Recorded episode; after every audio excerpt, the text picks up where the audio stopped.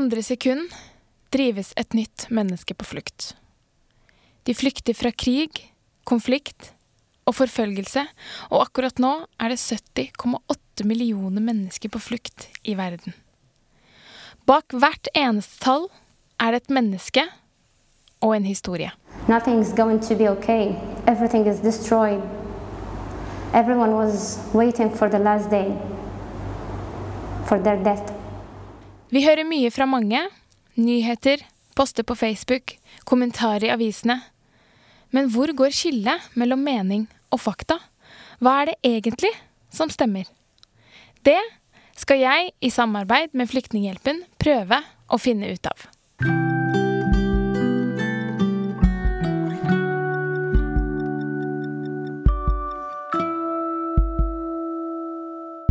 Vi har nå vært gjennom fem episoder.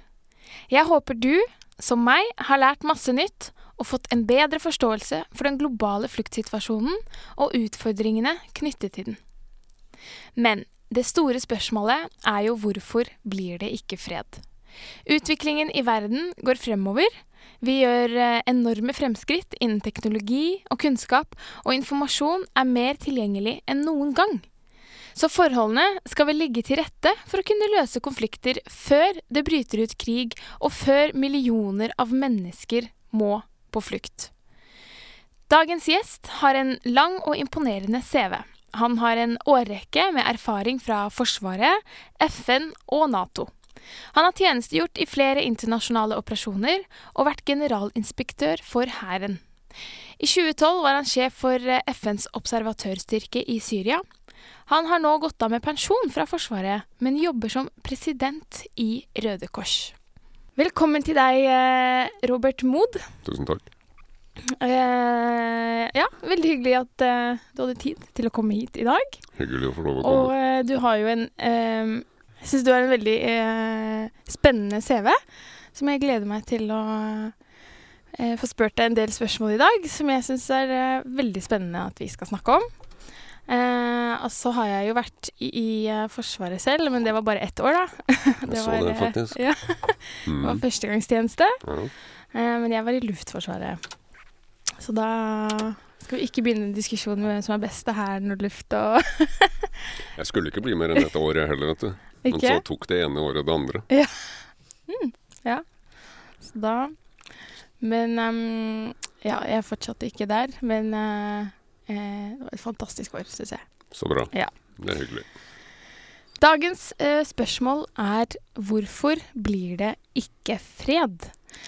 For å finne ut av det, tenker jeg vi kan eh, starte litt i andre enden. Hvorfor blir det egentlig krig? Ja, det er et kjempestort, uh, spennende spørsmål, selvfølgelig.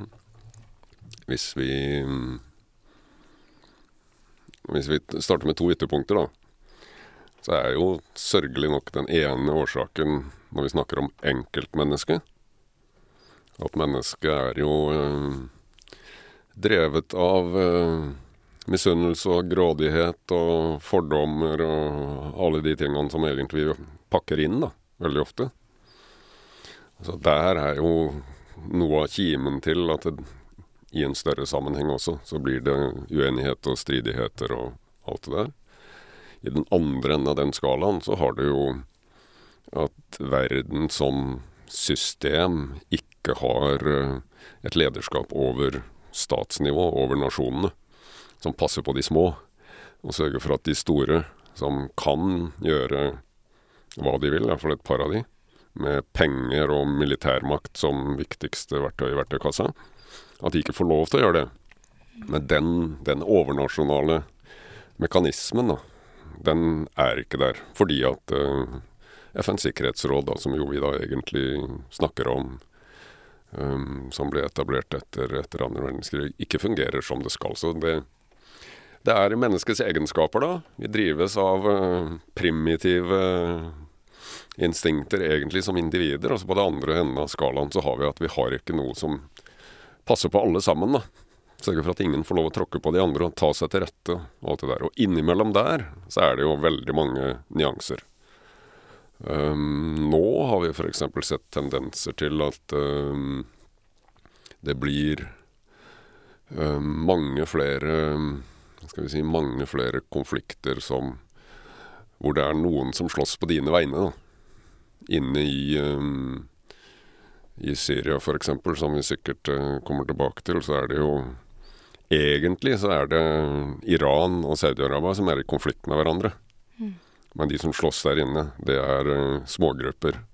Uh, som da forsynes og stimuleres og får penger og får våpen. Og på vegne av disse så er det mange lag. Men jeg tror spørsmålet er så stort at vi lever nok dessverre i en verden hvor det handler om våre grunnleggende instinkter, for å si det sånn, og mangel på et overnasjonalt lederskap. Mm. Men det er, jo, det er jo mange som eh, Eller vi hører ofte eh, at, eh, at religion er en grunn til masse krig. Eh, eller ulike etnisiteter. Mm. Eh, eller hudfarger. Mm. Eh, tror du at det er det som kan være grunnen i noen tilfeller? At, at eller, er det, eller, er det, en unnskyldning for å dekke over egentlig alle disse behovene som sitter inni et menneske, som du snakket om?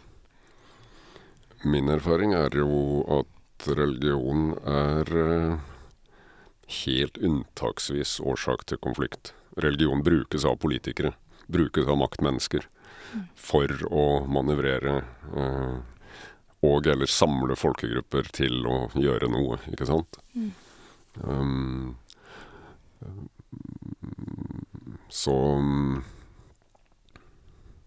etnisitet Egentlig noe av det samme. Altså når uh, Hutuen og Tutsiene gikk løs på hverandre, for å si det slik, i Rwanda, så var det jo så var det jo også der da lederne som, som brukte egentlig stemningen, ikke sant, og 'kill the cockroaches' og, mm. og, dro i gang sånne ting. Og så brukte etnisitet da som et verktøy rett og slett i sin maktkamp.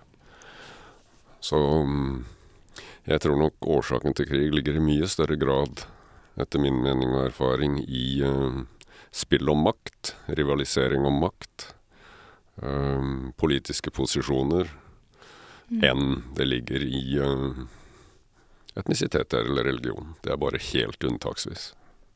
Mm. Hva er det som kjennetegner eh, krig i dag?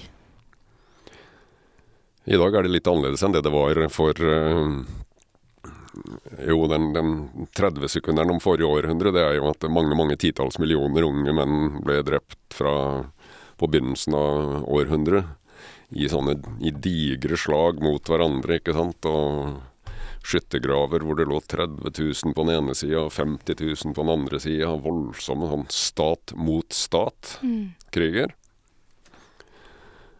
Det ser vi jo ikke nå i dag. Heldigvis. Men det vi ser i dag, er altså mange småkriger. Gjerne internt i en stat. Og også hvor da to stater i en region f.eks. som rivaliserer om et slags hegemoni. Iran, Saudi-Arabia er et eksempel hvis, vi snakker om Midtøsten. De bruker grupper da inne i andre land, i denne sammenhengen Irak, Syria, for å destabilisere og for å oppnå det de selv er ute etter. da. Så det er eh, lavere intensitet um, inne i stater i større grad enn stater i Mye større grad enn stater imellom. Og det er grupper som, som, spilles ut med hverandre, og tragisk nok, da, så er det Det er jo også banditter der ute. Så banditter som har vært i Tsjetsjenia, de har vært ikke sant, de, på Balkan, de, og så reiser de til uh, Irak rett og slett fordi at de lever og ånder for i en voldskultur, da. Og det er nok ikke så veldig, veldig mange av de på i det store bildet, men uh, det er nok til at de faktisk er med og, og, setter en stygg agenda når det gjelder hvordan volden brukes. Så har vi sett en annen tendens da, nå i det seinere, hvor det rammer sivile i større grad enn tidligere. Mm. Og sivile respekteres ikke på samme måten som tidligere. Um, I Syria så har f.eks. Eh, Røde Halvmåne mista nesten 80 medarbeidere som har kjørt ambulanse inn for å hente noen som har vært såra eller eller et eller annet slik. Og ambulansen er faktisk eh, Og hjelpearbeidere også, da, når de har vært her inne og blitt drept. Men eh, ambulansen er rett og slett tatt i bakhold og skutt opp med overlegg av uh, grupperinger inne i Syria da, som ønsker å fortelle med vold at her bestemmer vi, og vi gjør med dere akkurat som vi vil. F.eks. helt uavhengig av at det internasjonale samfunn ser, ser hva vi gjør. Så det er en trend. Sivile mer utsatt. Eh, krigene flytter i større grad inn i byene, inn i tettbebygde områder. Befolkningen fanges i bydeler, og det blir vanskelig å få inn mat, det er vanskelig å få inn vann. Um, de holdes noen ganger som gisler fordi at de som da sørger for at de ikke får lov å rømme ut av den bydelen, de vet også at de som gjerne vil ta den bydelen, de vil ikke ta på seg kostnaden med å drepe f.eks. 5000 sivile for å klare å innta den bydelen. Så sivile brukes også rett og slett som gisler da, i forskjellige situasjoner. Mm. Har du noe um, Sikkert veldig vanskelig å svare på, men har du noen tanke på hvordan vi endte opp her? Godt spørsmål. Da er vi jo Ikke overraskende et godt spørsmål, ja. Da er vi jo tilbake til um, makt, penger, rivalisering mellom grupper. Og jeg tror faktisk det henger til en viss grad sammen med at flere og flere land ser at i den internasjonale orden, eller mangel på orden, så mangler vi dette overnasjonale dette, Denne institusjonen som skal lage trafikkreglene, som skal sørge for at trafikkreglene mellom stater uh, etterleves. ikke sant? Som skal sørge for at de store ikke kan ta seg til rette overfor de små. Mm. Og når det når det brer seg litt sånn desillusjonert utover så skjer det jo to ting. noen mister jo da troen på eh, at det kan bli noe bedre, mens andre da får da en mulighet til å ta seg til rette. Og de vet at de slipper unna med det. Hmm. Ja. Hmm. ja, så da um, Men um, når er krig egentlig nødvendig?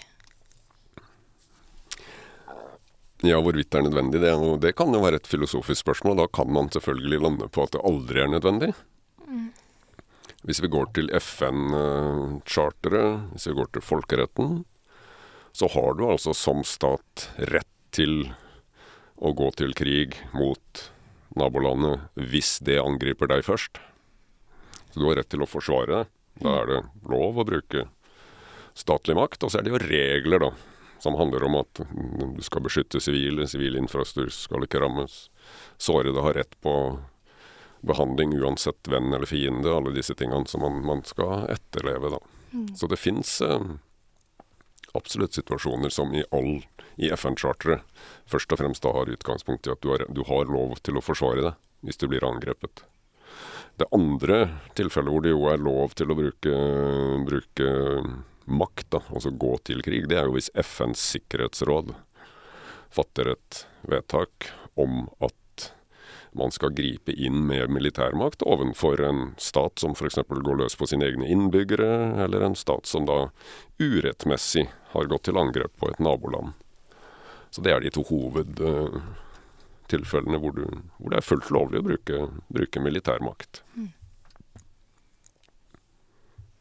Tror du at um, de landene som tenker at uh, de må krige for å få, uh, få, det de vil, tror du det hadde gått an på en annen måte? Det er jeg helt sikker på. Uh, vi er altfor dårlige på Vi er altfor dårlige på um, det vi kan kalle fredsdiplomati og fredsarbeid, da. det tror jeg det er mange som vil være, vil være enig med meg.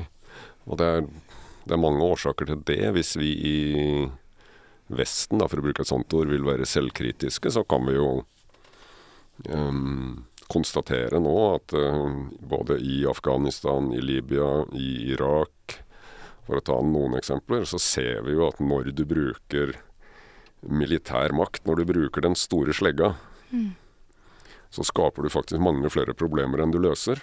Særlig fordi at det ikke er et underordna element i et større politisk prosjekt som handler om alle de andre tingene som er så mye, mye, mye, mye viktigere enn eh, det du får til, da.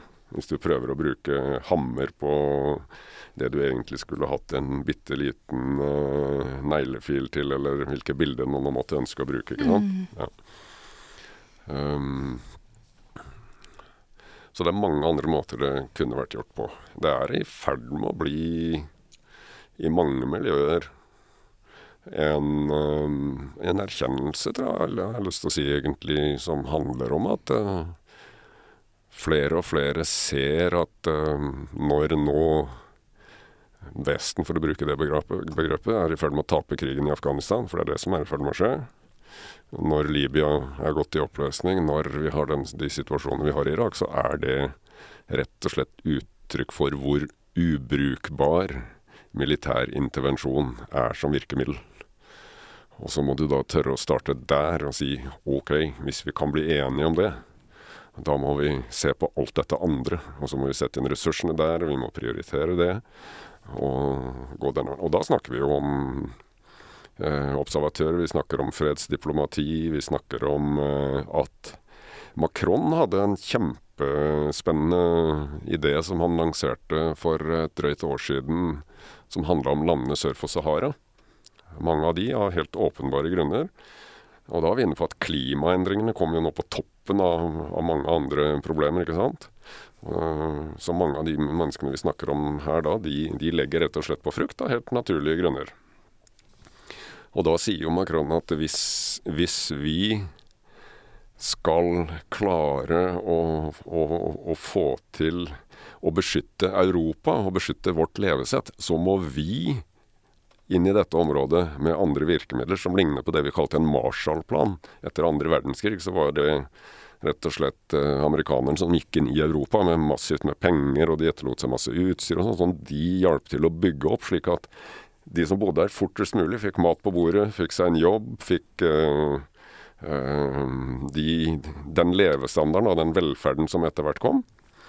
Og en sånn modell da, tok han til orde for, slik at du kan uh, jobbe med de reelle årsakene til de flyktningstrømmene vi nå ser kommer inn via Hellas, og som fortsatt kommer inn over Middelhavet. Det vi ser der, er jo bare symptomer på dypereliggende strukturelle problemer. Og da må vi kanskje tørre å si at uh, dette er jo vårt, dette er vårt nabolag. I tillegg så er det medmennesker. Uh, så i et humanistisk perspektiv så har vi et ansvar, ikke sant. Og da må vi kanskje gå inn og jobbe på en helt annen måte med å prioritere langt høyere da, og sørge for at de får jobber, helse, et håp, da, rett og slett. Mm. For eget liv og egen framtid. Der der hvor de er. Ja. Du nevnte um, flyktninger, mm. og um, denne serien handler jo i stor grad om konsekvenser av krig og konflikt. F.eks. det at uh, millioner av mennesker må flykte for livet. Mm. Uh, hvorfor er det så vanskelig å finne fredelige løsninger, spesielt når vi vet eh, hvor grusomme disse konsekvensene er? årsaken til at det er uh, fryktelig vanskelig å finne de gode løsningene, er jo uh, kanskje, kanskje først og fremst at de enkle løsningene er så lett tilgjengelige, da. Hvis du er, uh, hvis du er Altså Hvis du er vestlig politiker, da, så er uh, f.eks. militær intervensjon det er lett å gripe til. Det er lett å sende Hva er, hva sende er det? Militær? Altså, hvis du vil sende ut militære styrker for å fikse et problem, mm. så er de lett tilgjengelige, og de er gode på det, og de drar, og det skjer noe. Og da viser du handlekraft overfor egen opinion hjemme i ditt eget land, og du kan stå fram og si at her, virkelig, nå tar vi ansvar, og nå Så de verktøya som virker dårligst, det er de som er lettest å gripe til. Det er en del av denne, denne dynamikken. Mens de verktøya, f.eks. det å skulle ha en, en, en, ordentlig omforent, stor, helhetlig plan for hvordan Europa skal eh, bidra til at eh, vårt nabolag da, eh, får bygd, bygd en egen, egen framtid og får stimulert økonomien sin, arbeidsplass, skoler, utvikling og alt dette her på en annen måte. Det er ikke enkelt. Og i det øyeblikk du prøver å, å, argumentere for noe sånt, så ser vi jo da at både i Frankrike og i Tyskland, og for den del her hjemme hos oss i Norge, så kommer jo argumentene med en gang om at uh, sånn skal vi jo ikke drive med. Andre, andre bedre ting å bruke pengene på. Men hva er det som um, For det er jo noen land, som du har nevnt, at uh, Norge går inn og uh, har intensjonen om å hjelpe som jeg skjønte. Men hva er det som avgjør at uh, det er akkurat de landene man går inn og hjelper, men så velger man bort andre land som kanskje har hatt konflikt i mye lengre tid? Mm. Nå har vi jo snakka om at FNs sikkerhetsråd egentlig ikke fungerer som det burde. ikke sant? De er handlingslamma. Det er eh, Russland, Kina på den ene siden, og så er det Storbritannia, Frankrike, USA på den andre siden. og når du ene stemmer den veien, så stemmer de andre motsatt vei. og, alt det. Men dette er jo et område hvor faktisk da FN-systemet fungerer uh, ganske bra. Uh, så hvor det for de forskjellige organisasjonene, og de frivillige organisasjonene som har sitt utspring i nasjonene, som denne organisasjonen, som Norges Røde Kors og andre, ikke sant. De har jo et system, et internasjonalt system. F.eks. har vi i Røde Kors en føderasjon som er alle, alle nasjonalforeningene i hele verden som snakker sammen. Uh, og så blir man enig, da. Hvem, hvem har best forutsetninger for um, å jobbe med situasjonen på Afrikas Horn, f.eks.? Uh, jeg kom fra Burundi i går. Der er vi inne og jobber med å gi rent vann, motarbeide kolera. Uh, og, og jobbe med barnedødeligheten, og jobbe med ernæring og mange sånne ting. Og er det rett og slett uh, fordi at i, i, det litt store bildet da, så ble det valgt ut som et partnerland for oss. Og så sørger man for å koordinere da på nivået over nasjonalforeningene. Sånn at ikke, at ikke vi går i beina på hverandre. Mm. Så den delen av FN-systemet fungerer faktisk. Det, det kan FN være, egentlig være ganske stolt av. Og I tillegg til at absolutt uh, denne organisasjonen og andre frivillige organisasjoner skal være stolt over det man får til der, altså. Ja. Det er jeg enig i. krigen i Syria mm. går jo nå snart inn i det niende året. Hvorfor varer denne og for så vidt andre kriger så lenge? Fordi at vi mangler verktøy og virkemidler for effektivt å sette en stopper for det. Vi mangler en, en, en, autoritet over statene som kan gå inn og si at dette her aksepterer vi ikke. Og da må du, hvis FNs sikkerhetsråd autoriserte f.eks., så kan du gå inn med, med, makt ikke sant, og gjøre det. Hvis du, hvis du ser at her er det en, en regjering, et regime, som systematisk eh, dreper og massakrerer sine egne. Hvis Sikkerhetsrådet vil, så kan man da bestemme at her går vi inn og gjør noe med det. Og så stiller nasjonene opp med de kapasitetene som er nødvendige da, for å gjøre det. Mm. Men der er vi jo ikke. Hva må til for at man kommer dit? ja, det Det er veldig mange i mange år allerede. Det ble levert en rapport i år 2000 som het Brahimi-rapporten. Det ble levert en rapport til generalsekretæren for FN i 2015 som heter Amos Horta-rapporten, som hadde masse gode forslag om hvordan man kunne gjøre dette bedre. Men uh, det strander nok på at det er ikke Det er ikke beslutningsevne da på, på, på toppnivåene til å gjøre det som det som skal til. Og hvis du, hvis du, foreslår en reform av FN, som jo mange har tatt til orde for Du ser på Sikkerhetsrådet, som vi snakka om. I, en, I, det store bildet nå, da, så er det jo Russland, Kina, Storbritannia, Frankrike, USA. Det er altså de som vant krigen i 1945. Mm. Men i dag så har vi Brasil, India, Kina, Sør-Afrika, for å ta noen. Som altså, hvis vi skulle, hvis vi skulle fordele plassene i et sikkerhetsråd som skulle være ansvarlig for å forebygge konflikt, forebygge krig, og gripe inn i krig hvis man så at man ønska å gjøre det, så måtte vi ha hatt med en helt annen gruppe av land enn seierherrene etter første verdenskrig. Men poenget er jo at disse fem landa da, de har jo også vetorett over ref å reformere FN. Så FN kommer aldri til å reformere seg selv. For disse landene har en egeninteresse i å verne om sin posisjon, til tross for at de da ikke bærer ansvaret sånn som de burde på vegne av vår alles sikkerhet. Akkurat. Det gir mening. Syria, Somalia, Colombia. Verden over blir millioner av mennesker tvunget på flukt fra krig og konflikt. De blir revet bort fra familie og venner og går en usikker framtid i møte. Bare mens du har hørt på meg, har åtte nye mennesker blitt drevet på flukt. Flyktninghjelpen skaper muligheter og hjelper mennesker med å bygge seg en ny fremtid. Du kan være med og støtte vårt arbeid. Vips til 2142. Det ble satt i gang en fredsplan i Syria i 2012, eh, hvor du var sjef for FNs observatørstyrke. Eh, hva gjorde at planen til Kofi Annan ikke eh, førte frem? det er riktig det. Jeg gjorde to jobber i Syria den i 2012. Den første jobben var å forhandle fram en, en slags avtale for å få da mm, konflikten over på et politisk spor. Og den andre var at når eh, den ble mm, godkjent, iallfall nok godkjent av de forskjellige aktørene til at Sikkerhetsrådet vedtok da å sette inn en liten gruppe med ubevæpna observatører, så ble det den jobben inne i Syria på bakken. Hvorfor lyktes det ikke, det er det selvfølgelig forskjellige meninger om, men vi, vi konkluderte da, og vi er i denne sammen Kofi Annan, som hadde det politiske ansvaret fra Genéve, og jeg som var på bakken inne i Syria, og på mange, mange områder og over hele landet i og for seg. Vi konkluderte med at eh,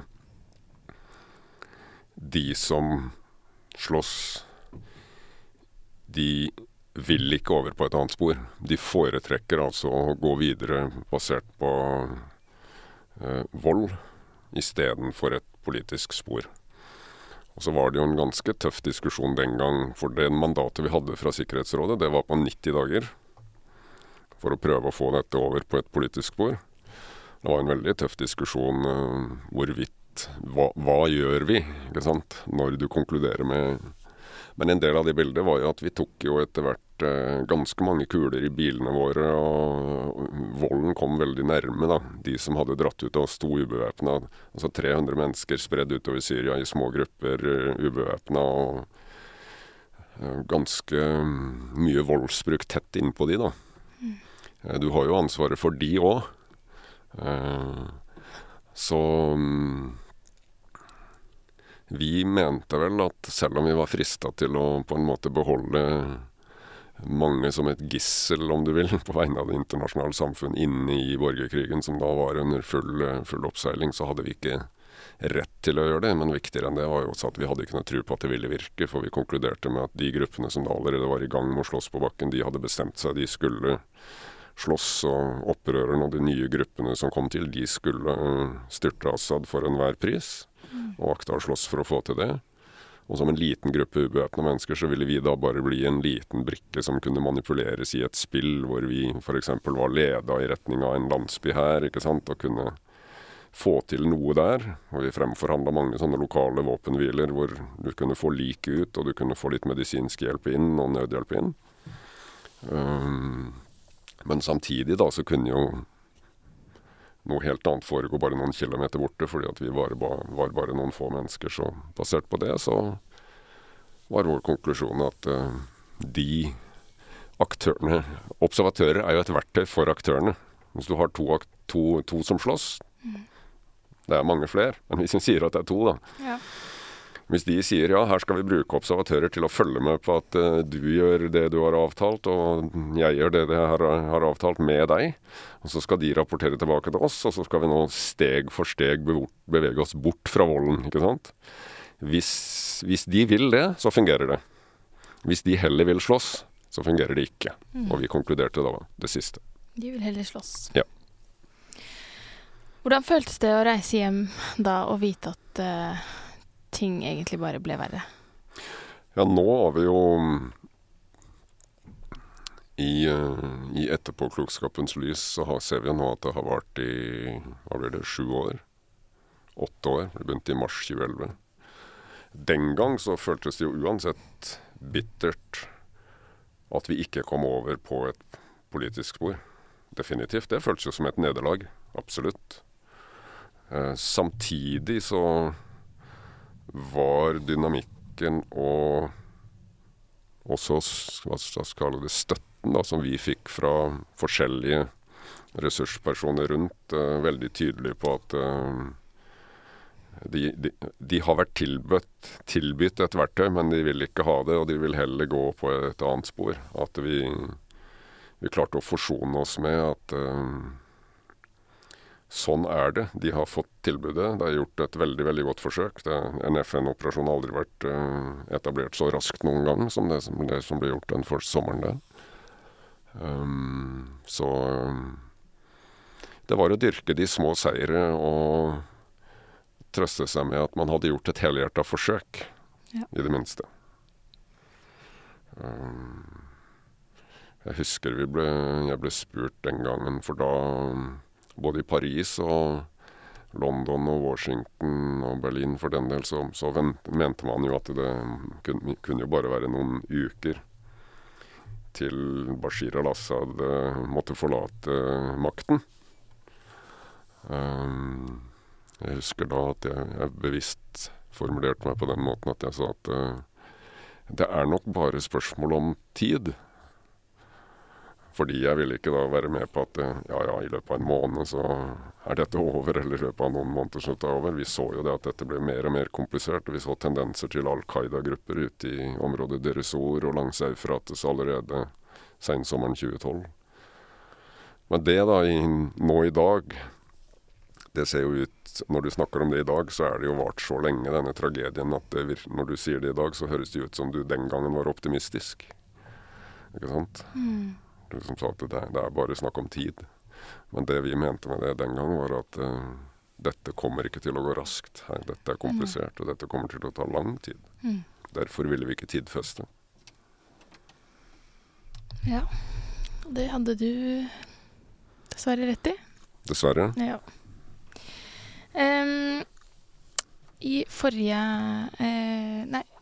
Gro Nystuen har også vært gjest i podkasten. Mm -hmm og fortalte om eh, krigens folkerett, som er til eh, for å begrense eh, lidelsene og konsekvensene av krig.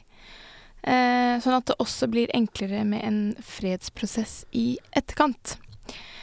Eh, men når en krig er over, må man ha en ja, seiersherre? Jeg tror vel at de, de gangene en um, en fredsslutning og en um, La oss kalle det tilbakemelding til, til, normale samfunnsfunksjoner, da, og normalt naboskap, hvis vi snakker om det. De gangene det har vært vellykka, så tror jeg heller det er at det, det er ingen seierherrer. Mm. Alle føler at de har vunnet litt, eller alle føler at de har tapt litt og orker ikke mer, rett og slett. Dette, denne galskapen må, må ta slutt. Mm. Um, det, det, tydeligste eksempelet på hva som kan skje, ifølge mange analytikere og historikeres mening, er jo når etter første verdenskrig så ble jo Tyskland grundig ydmyket i en avtale som ble kalt Versailles-freden. Mm. Og det er um, vel veldig veldig mange som er enig i at uh, det er ikke sikkert det var hele årsaken til at det starta på 1939. Men mange sier at det er den nasjonale ydmykelsen. Um, at seierherren, da Det var en knusende seier, ikke sant? Og så tok seierherrene seg til rette og virkelig gnei det inn, ja, mm. hos, hos, tyskerne. Og ga de, måtte gi fra seg landområder. Og det ble sånne betingelser at det ble en nasjonal ydmykelse, som jo gjorde f.eks. at det nasjonalsosialistiske partiet kom til makten gjennom demokratiske valg i 1933. Og så kjenner vi jo begivenhetene etter det, som førte fram til en ny storkrig. Og noen mm. sier jo at dette er egentlig én krig som henger sammen. Mm. Og årsaken til at den fortsatte fra 38-39, hvis du tar med Tsjekkoslovakia, er altså den, den, nasjonale ydmykelsen. Og hvis vi Den samme logikken ser du, så du jo på Balkan. Jeg leda en stor avdeling på Balkan i, etter at eh, Nato hadde bomba Serbia i vinteren 98-99. Og det som skjedde der, var jo, var jo også en sånn uh, Handla om ydmykelse og nasjonal og etnisk ydmykelse, og politikere da igjen som spilte på disse strømningene uh, i sin, sin manøvrering. Sånn når Milosevic sto i Kosovo på olje og hytta med neven og sa at ingen skal noensinne igjen få lov å slå en serber. Og det var der det starta. Der det starta. Så var det utgangspunktet da for uh, at mange så det som grønt lys for å gå løs på kosovo-albanerne. Og så kom da at Nato etter hvert bestemte seg for å gripe inn, og så gikk det videre etterpå. Noen ville jo også trekke den ydmykelsen til uh, at et selvhevdende Russland, som er det begrepet som brukes av mange. Altså et Russland som, som lener seg fram og moderniserer forsvaret sitt og opptrer mer utfordrende og truende i forhold til sine naboer og tar seg til rette på Krim. At det også handler om den ydmykelsen de gikk igjennom når Sovjetunionen kollapsa i 1991. Mm -hmm. Hvor jo Putin sjøl er jo um, er sitert på og har sagt at uh, den største katastrofen i det århundret, det var kollaps av Sovjetunionen. Og en del, av, uh, en del av agendaen er da å ta tilbake posisjonen som man en gang hadde. Og så er det mange, mange nyanser og mange nivåer og mange sammenhenger, men uh, når du spør om vi trenger en seierherre eller, eller noe sånt, så tror jeg faktisk, med tanke på å komme videre etterpå, så det er kanskje smartere at alle taper litt. Alle innser at uh, krig er et dårlig verktøy. Mm. Veldig godt sagt. Eh, hva eh, tror du må på plass for å få fred? Eh, for det finnes vel eksempler hvor man har fått det til? Ja. Jeg husker Nelson Mandela gjorde et uutslettelig inntrykk på meg. Jeg møtte han i Tromsø, alle steder. Ja. Han tok med seg mm, konserten, Mandela-stiftelsen, og kom til Tromsø for å holde, holde De hadde Altså Mandela-konserten het jo da. Dette var i 2005, sommeren 2005.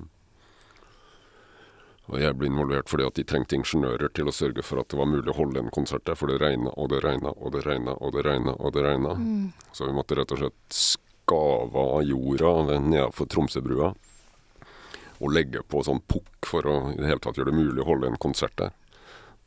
Begynte på mandag, på torsdag slutta det å regne, på fredag hadde vi en fantastisk konsertopplevelse med I midnattssol utover kvelden, med Nelson Mandela som hovedaktør på scenen. da. Altså den, den type lederskap, en leder som hever seg over disse smålige destruktive kreftene som handler om makt, penger og alt det der, som altså etter bortimot ja, altså mer enn 15 år da, på cella Mm. Og det han hadde opplevd, så kommer han ut, og så strekker han fram handa til de Klerk og sier at uh, av hensyn til våre innbyggere, så skal vi nå bygge fred sammen. Den type ledelse, det overnasjonale ledelse, ledelse på tvers av nasjoner, det er jo definitivt uh, noe av oppskriften her, da. Dessverre så Den optimistiske delen av denne fortellingen er at alt er mulig. Verden har aldri hatt et bedre utgangspunkt. Vi har teknologi, vi har ressurser, vi har penger, vi har fantastisk ungdom. Altså, har aldri hatt et bedre utgangspunkt for å håndtere uansett hvor stor utfordringen er. Sant? Men for å legge da til rette, for å slippe det løs, for å, for å gå inn i det rommet der, så trenger du store ledere som tør, og som vil, og som har et prosjekt. Det trenger vi i Norge. Og det trenger vi på den internasjonale arenaen. Og da er det mulig å gjøre nesten hva som helst. Hmm. Ja, for gode ledere kan jo eh, eh, bruke talentet deres til å få med folk til å gjøre gode ting. Absolutt. Ikke bare vonde ting. Ja, og da kan du få både lederen som individ, ikke sant, og hvis man har da reformerer noen av disse overnasjonale institusjonene. og Norge kan bestemme seg for at vi vil ikke bare danse rundt gullkalven, vi vil også være et uh, inspirerende eksempel med vår rikdom og vår teknologi for resten av verden, og finne den riktige balansen der. Så masse som kan gjøres. Masse mm. positivt som kan gjøres. Litt deilig å høre det også innimellom. Ja, Alt som kan, kan gjøres. Eh, men nå jobber du altså i Røde Kors. Eh, en stor humanitær eh, organisasjon som jeg tror de fleste, hvis ikke alle, har hørt om. Eh, hvilken rolle har eh, humanitære aktører i fredsarbeid? Det er jo en interessant bit at uh, når um, Ari Dunah var eh, for eh, drøye 150 år siden var på vei til Napoleon 3., som var i vel Algerie på det tidspunktet. For å Ari Dunat var en rik sveitsisk forretningsmann. Og så måtte han, tenkte han, til Napoleon 3. for å få godkjenning på en sånn forretningsidé i neste prosjektet. Så han var på vei ned gjennom Italia for å få tak i Napoleon 3. Hadde du, hadde du godkjenning fra keiseren den gang, så da kunne du jo gjøre få til hva som helst. Men når han kom til Solferino, da, så befant han seg plutselig midt oppi et av datidens store slag med 6000 døde eller sårede på et veldig lite område. Um, og så glemte han hele forretningsideen sin, og så stoppa han. Og så fikk han med seg kvinnene fra landsbyene rundt, og så starta de å behandle syke og sårede. Der blei han. Og så, når han da dro tilbake igjen til Sveits, så var han den som grunnla denne bevegelsen, som er Røde Kors-bevegelsen. Og endra hele mentaliteten til at uh, mennesket har faktisk et, egen, en, et egenverd. Mm. Du har krav på uh, å bli stelt når du er såra. Ja. Fram til det så var mennesket rett og slett forbruksvare. Det var Altså, man marsjerte over hverandre for å gå videre uten hensyn til de som da lå nede og, og skrek og var uh, såra. Det var ren forbruksvare. Men han endra mentaliteten til at uh, var starten på en mentalitetsendring.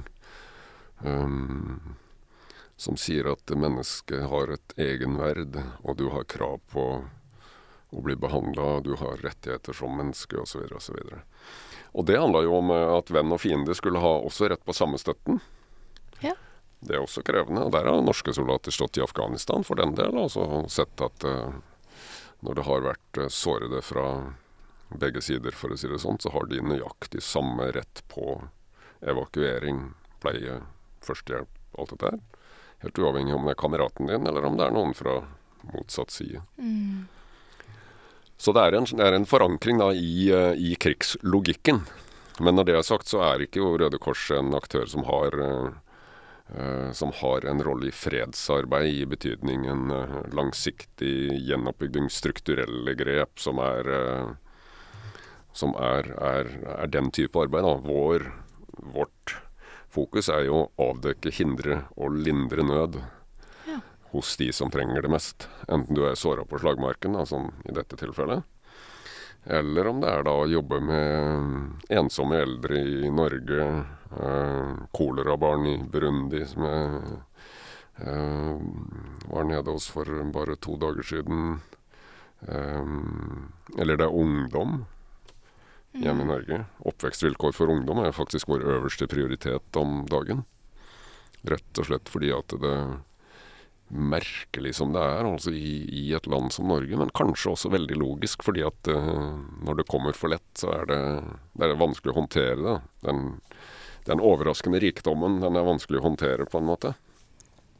Så har vi Røde Kors hjelpetelefon, f.eks. Kors på halsen heter den. Hvor ungdom kan ringe inn eller chatte eller sende e-post anonymt. Den hadde jo oppimot 20 000 henvendelser i fjor.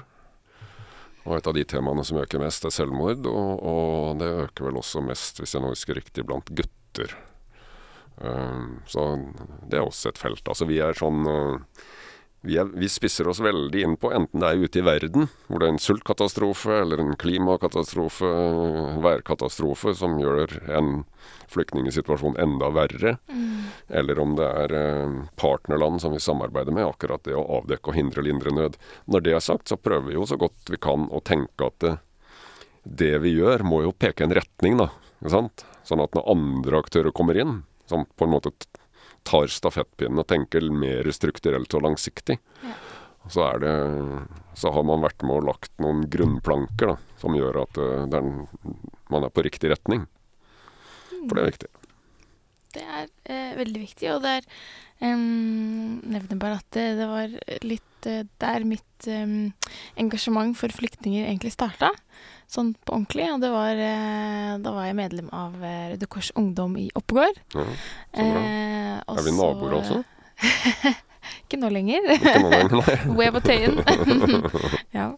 Så da um, Men jo, og da pleide vi å dra eh, annenhver søndag til asylmottaket som pleide å være i Vestby. Og så jobba vi med, med, barna der, da. Ja. Um, og så lærte jeg veldig mye om, om fra dem, og um, ja, så litt hvordan de bodde, og, um, og, hvor lenge de hadde bodd der. Barna hadde liksom født, blitt født og oppvokst der og bodd der i flere år. Um, så det var uh, Da husker jeg at jeg kjente at uh, det er ikke noe man tenker over, at uh, folk lever sånn her i Norge. Mm. Og det er så urettferdig. Og så var det litt der engasjementet mitt egentlig starta. Ja, kjempebra. Det er jo utrolig uverdig at vi i Norge har altså papirløse flyktninger, barn, som nærmest sitter i fengsel fordi at de har blitt eh, drevet på flukt av en krigssituasjon. Vi har også aktiviteter inn mot de, ikke sant, som du mm. refererer til. og så der er det da den pragmatiske politikken hvor man skal sende, sende signaler at, som gjør at vi ikke får altfor mange flyktninger som krasjer med en ordentlig omsorgsfull mm. humanitær tilnærming som, som, også etter hvert stiller krav, selvfølgelig. For uh, hvis du og jeg la på flukt så, og havna et eller annet sted, så ville vi jo hatt behov for raskest mulig å komme i gang med et eller annet som gjorde at vi kunne tjene penger og sette mat på bordet og få seg et sted å bo og alle de tingene her. Så, så det er uh, viktig å legge til rette for at man kommer videre så fort som mulig.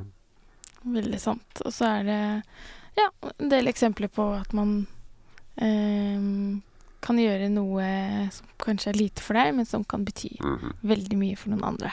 Ja. Um, jeg får besøk av eh, Jan Egeland i neste episode. Eh, og han skal prøve å svare på hvordan eh, det globale fluktbildet vil utvikle seg de neste ti årene.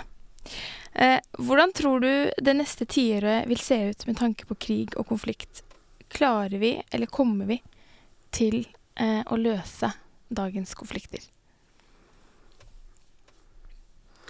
Nå elsker jeg å være den som snakker om at det er Verden har aldri hatt et bedre utgangspunkt.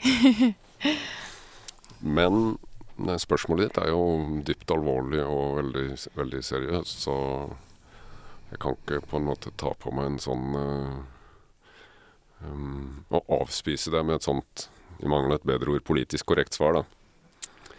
Og da blir det nok dessverre slik at selv om vi har verdens beste utgangspunkt, så er det per i dag veldig vanskelig å få øye på de mekanismene og de verdenslederne og de nasjonale lederne som, som kommer til å heise flagget til topps og si at nå skal vi jammen gå sammen, og så skal vi lage ordentlige, kraftige tiltak og mekanismer som skal eh, ta tak i årsakene til mye av flyktningeproblematikken rundt omkring, og ikke bare drive og bygge murer rundt Europa og, og behandle symptomer. Det er vanskelig å få øye på de, dessverre.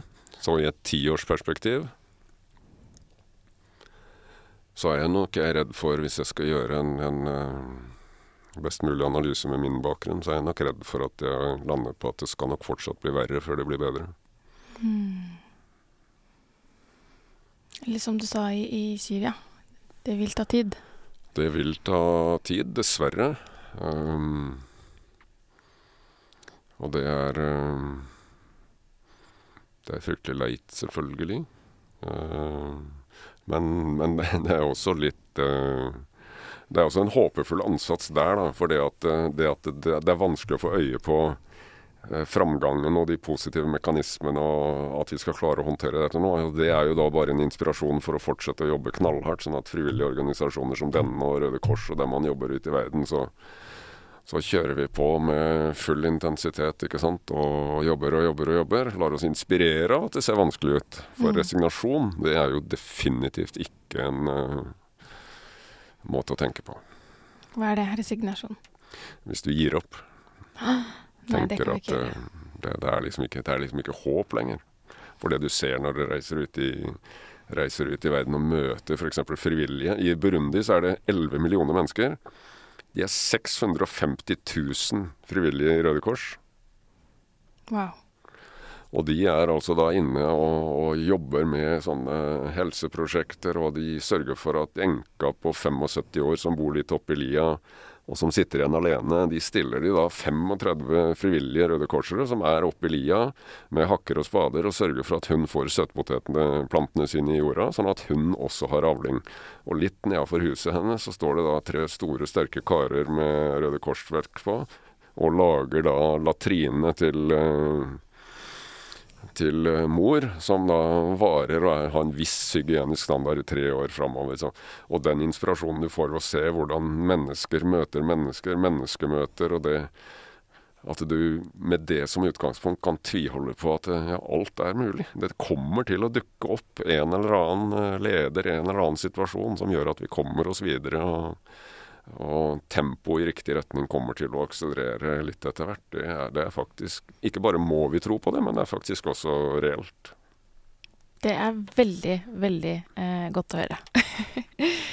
Robert, tusen, tusen, tusen takk for at eh, du kom hit i dag. Jo, takk for praten. Jo. Eh, så det eh, har vært eh, utrolig spennende. Og eh, jeg tror at mange som sitter og hører på, har fått uh, en del svar på ting man går rundt og lurer på, som man kanskje til og med ikke tenker over at man lurer på. Uh, og jeg har i hvert fall fått utrolig masse svar som jeg har uh, gledet meg til å spørre. Så hyggelig. Hyggelig å få komme. I neste og siste episode får vi besøk av generalsekretær i Flyktninghjelpen, selveste Jan Egeland. Han startet sin humanitære karriere for over 40 år siden i Colombia. Siden den gang har verden og det globale fluktbildet endret seg. Men hvordan vil de neste ti årene se ut? Følg med neste uke for en ny episode. Men før den tid, ha en fin og fredfull jul!